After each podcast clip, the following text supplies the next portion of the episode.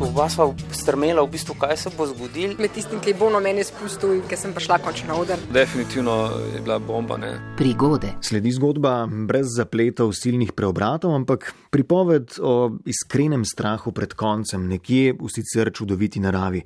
Um, Petra je bila z druščino na kosilu, bil je dela prost in blazno vroč dan in so se odločili, da se sprehodijo do Lovrenških jezer. Idealna se je zdela ta pot, gremo se sprehoditi, to je dobra urca sprehoda čez gost, nič kaj zahtevnega. Ampak ni bilo tako enostavno, zaplet je bil videti nekako takole, lahko zaprete oči in si skušate predstavljati ne v avtu.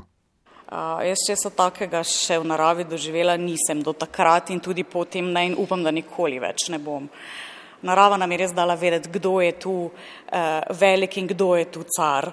Um, mi smo bili res ene mičkene mravljice v tistem trenutku, ko se nismo imeli kam, kam skrit pred točo, pred strelami, uh, pred, pred tisto ogromno količino vode, ki se je vsula z neba. Preden se kaj podobno nepričakovanega res um, zgodi, imamo najbrž dokaj izdelane predstave, kako ravnati ne bežati pred medvedom, naprimer, ali pa v primeru nevihte se izogniti visokim drevesom, ampak kako pa je v resnici, kako je, ko se človek znajde v takšni situaciji. Punce smo si eh, vzeli z ušes uh, uh, uhane, vze, pobrali dol sebe, vse nakit, ki je bil na nas.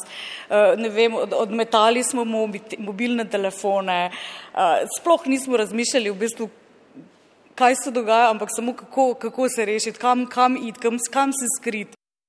Pred nevihto so se skrili pod razgledni stolp, ker drugam, kot pravi Petra, niso mogli. Odvrgli so mobilne telefone, ker so sumili, da bi lahko privlačili strele. To je tudi moment, ko pač v vsaki taki situaciji vedno nekoga popade panika, če ne že vse. Ne? Ja, to je bilo že na koncu uh, grup hak, skupinsko objemanje in, in uh, si povedati, da smo se imeli radi in da ni bilo tako slabo to življenje, če je to zdaj to. Zdaj se smiš, ampak takrat je bilo to povsem resno mišljeno. Povsem resno, povsem resno. Takrat ni bilo uh, uh, več. Takrat smo bili prepričani, da je to to. Uh, ko strela udari, ne vem, meter stran od tebe, pač nimaš več uh, neke, ni, ni, ni filma, ki gre skozi tvojo glavo v, o celem tvojem življenju, ne, ampak so pomembni samo tisti ljudje, ki so tam s tabo in kaj bo bo.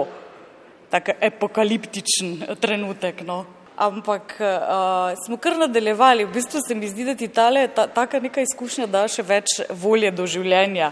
Ok, zdaj sem to, to sem preživel, ne?